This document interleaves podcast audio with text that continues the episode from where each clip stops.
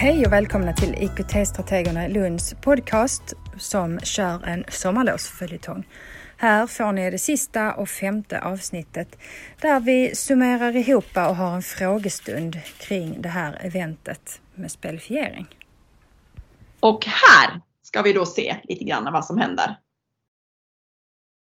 Vilka fördelar kan ni se med ett spelifierat lärande? Skriv med ett ord eller en fras så vi kan få till ett ordmoln som vi sparar. Känns som det är många som kommer in på motivation där. Det är ju eh, väldigt eh, det är väl lite tanken som vi har haft med hela det här eh, spelifieringsmissionet, att vi ska hitta den motivationsdelen eh, i detta. Super! Då tror jag att jag tar och byter till fråga nummer två. Tack så jättemycket för era svar. Eh, vilka elever kan vinna på att spelifiera lärandet? Skriv med ett ord eller en fras så att vi får till ett nytt ordmoln. Den är bra. Alla. Ja, eh, här har vi då eh, svårmotiverade och omotiverade eh, som dyker upp eh, på flera ställen här. Och tänker lite det här med hemma, de, de som kanske inte tycker det alltid är så roligt med skol, alltså skoltrötta, de som sitter hemma mycket.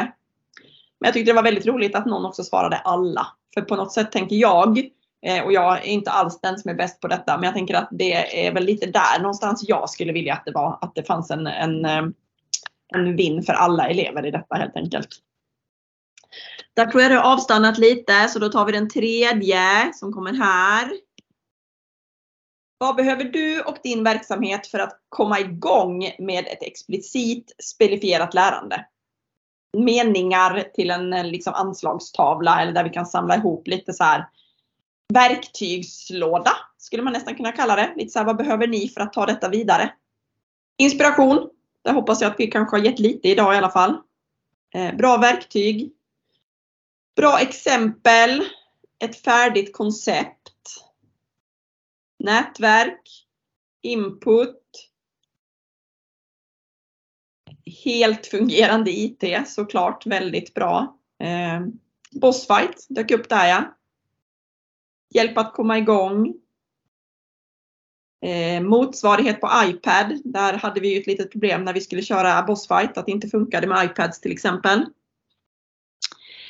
Eh, stöd för undervisning, inspirationsföreläsning, diskutera, bra verktyg, stöd till pedagoger,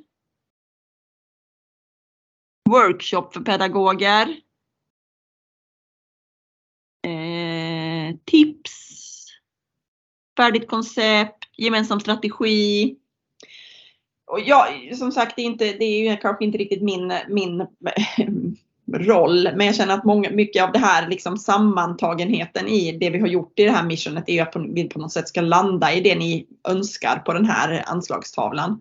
Att vi liksom ska hitta en strategi och, och, och en liksom gemensam startpunkt så att alla har samma, samma bild av hur man kan använda det helt enkelt. Vi kommer såklart spara ner alla de här eh, eh, eh, orden och tankarna eh, och så vidare. Och så ska vi såklart då eh, eh, försöka sätta oss ner och kanske tänka på vad nästa steg blir i, i den här eh, delen. då tar vi och går tillbaka hit. och då tänker vi ju oss faktiskt att vi skulle ha en liten frågestund till talarna, till Anneli och Jesper, till mig och Marcus. Tankar mellan varandra till Pelle som har kört bossfight, till Laila, eh, till Åse. Finns det tankar och funderingar? Hej allesammans! Jag har en liten fundering. Finns det enkla varianter som skulle passa sig för grundsärskolan? Vem kan svara på denna fråga? Jag tänker så här att eh, Jespers och min tanke är egentligen inte att plocka in ett färdigt spel utan att använda spelmekanismer. Att använda sig av att ge poäng och bedöm, belöningar och så vidare. Och det gör man ju i det befintliga arbete man har så att uppgifterna är ju redan anpassade efter den eh, elevgrupp man har eller individer man har. Eh, och sen så plockar man in de här eh, metoderna med att ge poäng. Så att absolut går det att anpassa.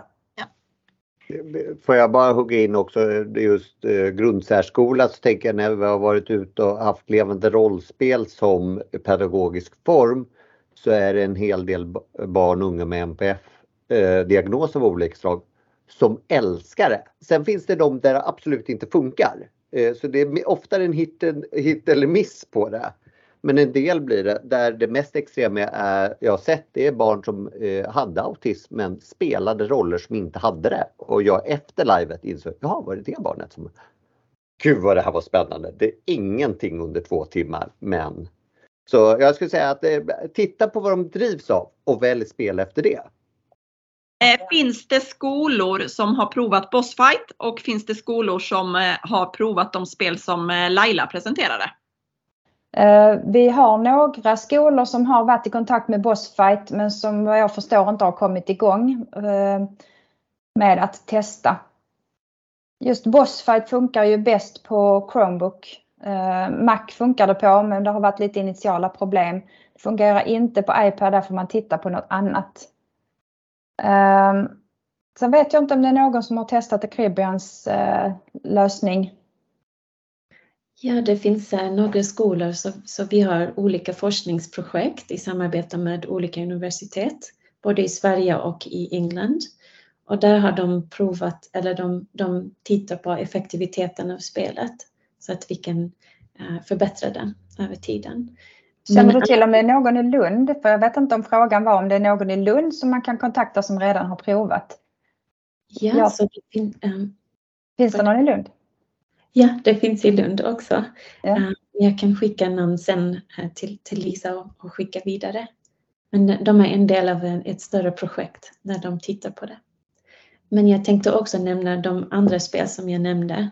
Eh, så det finns även um, den med Calculus från Texas University och jag vet att det, de använder det för barn som är lite äldre i skolor och det har varit jätteroligt för dem. Eh, hur känner ni Anneli och Jesper? Har ni eh, hunnit tänka ut vad, vad, som, vad, vad händer sen? Vad händer nu efter idag? Har vi, har vi en plan? Har ni en plan? Jag tycker inte att vi har en rakt utstakad plan. Vi fick ju in många tankar om hur man skulle kunna ta detta vidare. Eh, både göra någonting för alla på samma gång, eh, ett färdigt koncept eller vad det stod. Eh, men jag tänker också att man får anpassa efter hur varje verksamhet vill ha det göra work workshops och, och, diskutera och eh, ja, rigga det för varje verksamhet hur de vill ha det. Mm. Och vi finns ju till hands för att hjälpa till. Det finns en kurs på vår kursplattform om spelifiering eh, med väldigt mycket av det som vi har pratat om idag om vilka olika Alltså hur man kan sätta upp eh, en spelifiering, vilka eh, mekanismer man kan plocka in Eh, Eh, och att man måste inte använda bossfight utan man kan göra det på helt eget sätt med de verktyg och på det sätt man redan jobbar. Bara liksom förtydliga det. Sen när vi har gjort omvärldsbevakning så har vi även hittat att det finns lärplattformar utanför Lund som har spelifiering integrerat. Så det har liksom börjat dyka upp i lärplattformar men kanske även i, i digitala läromedel. Så att vi kommer nog kunna se längre, alltså inom en snar framtid att det här utvecklas eh, på lite olika håll, att man kan integrera det lättare än just idag.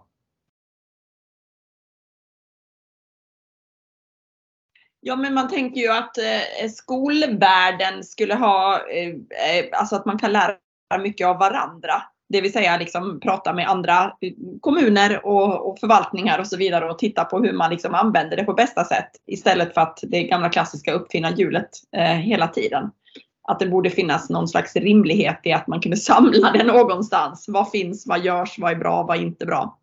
Även om jag förstår att det också finns mycket subjektivitet i det. Att många, man tycker väldigt olika helt enkelt. Jag tänker att man skulle behöva börja med på skolan det är att försöka få alla att förstå begreppet för att jag tror att det är väldigt många som missuppfattar att det handlar inte om att ta in ett spel eh, eller att skapa ett spel utan det handlar om att använda de skoluppgifter man redan har och ge belöningar för dem. Och börja med den yttre motivationen och försöka få dem till att senare bli inre, få inre motivation till att göra sitt skolarbete.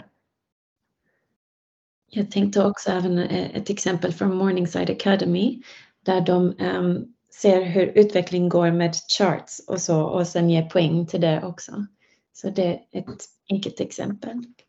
Däremot en sak som jag såg dök upp som jag vill peta lite på det är tanken att det här skulle vara extra bra för just pojkar. För det har jag inte hittat något stöd för att det någonstans har med kön att göra. Och det finns ibland en bild av att det är killar som spelar mest, framförallt att killar är de som spelar mest digitala spel. Och senast jag såg en studie så var vinnaren i den kategorin eh, medelålders kvinnor. Yes. För att, eh, eh, och det största spelet var, eh, oh, vad heter det nu, man, man, gör, man samlar godis, Candy Crush. Candy Crush. Ja, att man missar rätt så många spel för att de är förknippade med kvinnor och så men det är väl inte spel? Jo, det är det! Och Wordfeud och liknande. Så det finns en bredd. Jag tror inte det är val av spel. Det kanske finns, det finns ju statistik på att vissa kön spelar vissa spel mer jobbas ju jättemycket från spelhåll med att få bort de bitarna också. Att, gud, vi, det finns väldigt få spel, eller inget jag kommer på där det ska påverka. Så låt oss öppna det och se vad som händer. Jag skulle kunna tänka mig att det handlar inte om att man tänker att det är pojkar som spelar mycket men att, eh, att använda spelifiering skulle kunna motivera fler pojkar till skolarbetet. Jag vet inte om det forskas mycket på detta såklart, om vad, vad pojkar, flickor och, och, hur det används bäst. Det finns säkert forskningsrapporter att titta på som tittar på det. När du pratar om forskning skulle jag vilja slå ett slag för det eh, materialet som vi har skickat ut. Forskningssammanställningen från Skolforskningsinstitutet. Den är eh, enkel att läsa och visar på positiva effekter. Så att, eh, att jobba forskningsbaserat här Eh, försöka få in spelifiering där det passar för att motivera. Ehm, då har vi forskning på det. Jag tyckte, ja, det här, jag tycker det var en jättebra presentation och jag har tyckt det var jättespännande. Eh, jag har fått vara med vid några tillfällen eh, och det här är, det är jättespännande. Jag vill, jag vill bara tänka på att ta som Lailas där att här är ju egentligen två saker som är samtidigt så att jag tyckte det var bra det att man skiljer på Eh, de här begreppen Game-based learning och gamification. För att, eh, eh, för att de gör olika saker. Och jag tänker på det här Game-based learning, den blir ju väldigt lekfull. Och väldigt inspirerad av lek. Och det är kanske så, jag menar, vad är lek och hur länge leker vi? ja, så att, och hur länge tillåter vi oss att leka och vara utforska och vara lust och nyfikna? Eh, och få alla de där upplevelserna. Jag tänker vi har ju också, eh, tänker jag utifrån eh, förskolans projekt, ULF-projekt, så är vi inne på didaktiska modeller hur man undervisar kring lek. Som, som jag tycker blir intressant om man tittar på det utifrån ett lekperspektiv och, låt, och vi kallar inte det lek då i skolan, vi kanske kallar det game-based learning. men, det, men det här är modeller som blir intressanta att titta på. Jag tänker också där är modeller som handlar om lärarens roll. Och så tänker jag, jag tyckte om Pelles eh, input här. Alltså jag har lyssnat nu vid två tillfällen på Pelle jag tycker det är så spännande. Eh, också hur, eh, hur man kan då använda det andra spelifieringen för att skapa motivation. Även om man som lärare försöker skapa de bästa möjligheterna för barn att lära sig så är det så att ibland så tar det emot. Och ibland så behöver man yttre belöningar. Och hur kan man då använda det här eh, för detta och utan, jag tyckte också om eh, Pelles där att eh, fundera kring konkurrens och, och hur man får det till ett gemensamt lärande. Ja, men, men så jag tänker ändå, det vill skicka med här utifrån detta, jag tänker ändå att det är viktigt att särskilja på de här två, för det är två helt olika delar. Men som båda är intressanta. Jag. Jag tänkte bara säga egentligen tack så jättemycket för idag. Tack ni som har talat. Tack Anneli och Jesper. Det har varit roligt. Jag har lärt mig jättemycket. Tack Gunnar eh, för inspiration. Tack Laila, eh, Åse och, och, och Therese har ju jobbat jättehärligt med pedagogerna. Vi är superglada för detta. Eh, jag och Marcus eh, fortsätter ju att jobba i Digitab ett tag till och förhoppningsvis så jobbar vi kanske ytterligare tre år. Det får vi besked på eh, i slutet av maj så ni får hålla era tummar för oss. Eh, och, men har ni tankar och funderingar? Jag förstår ju att det är väldigt många saker som är liksom Lundspecifika. Och där tänker jag att det är nog bäst att man pratar med Anneli och Jesper. Men har ni andra funderingar och vill komma i kontakt med oss så finns våra kontaktuppgifter också. Och vill ni veta mer om DigitHub så finns det också en fin hemsida med event och så vidare som eh, är digithub.se. Där vi bland annat eh, har, erbjuder digitala studiebesök, eh, lite inspirationsseminarier, speaker series och lite sådana saker som kanske kan vara roligt ibland. Med det sagt så tänkte jag bara säga eh, Tack Pelle också. Ja men såklart, förlåt. Tack Pelle, jätteintressant faktiskt. Eh, jag visste verkligen väldigt lite om Bossfight innan detta så att man lär sig ju mycket. Eh, som sagt, tack så jättemycket alla eh, och på, förhoppningsvis på återseende snart igen. Mm. Och med en hälsning från förvaltningsledningen också säga att det här är ju en del av tillgängliga lärmiljöer. Precis som vi har hört idag så är det ju hur man kan designa de olika lärmiljöerna. Och det kommer vi jobba vidare med på olika sätt. Men detta är ett sätt, precis som Rickard nickar här. Det passar vissa elever och, eh, eh, och är rätt i vissa lärmiljöer. Så vi tar den här kunskapen med oss in i vårt gemensamma arbete. Så stort tack!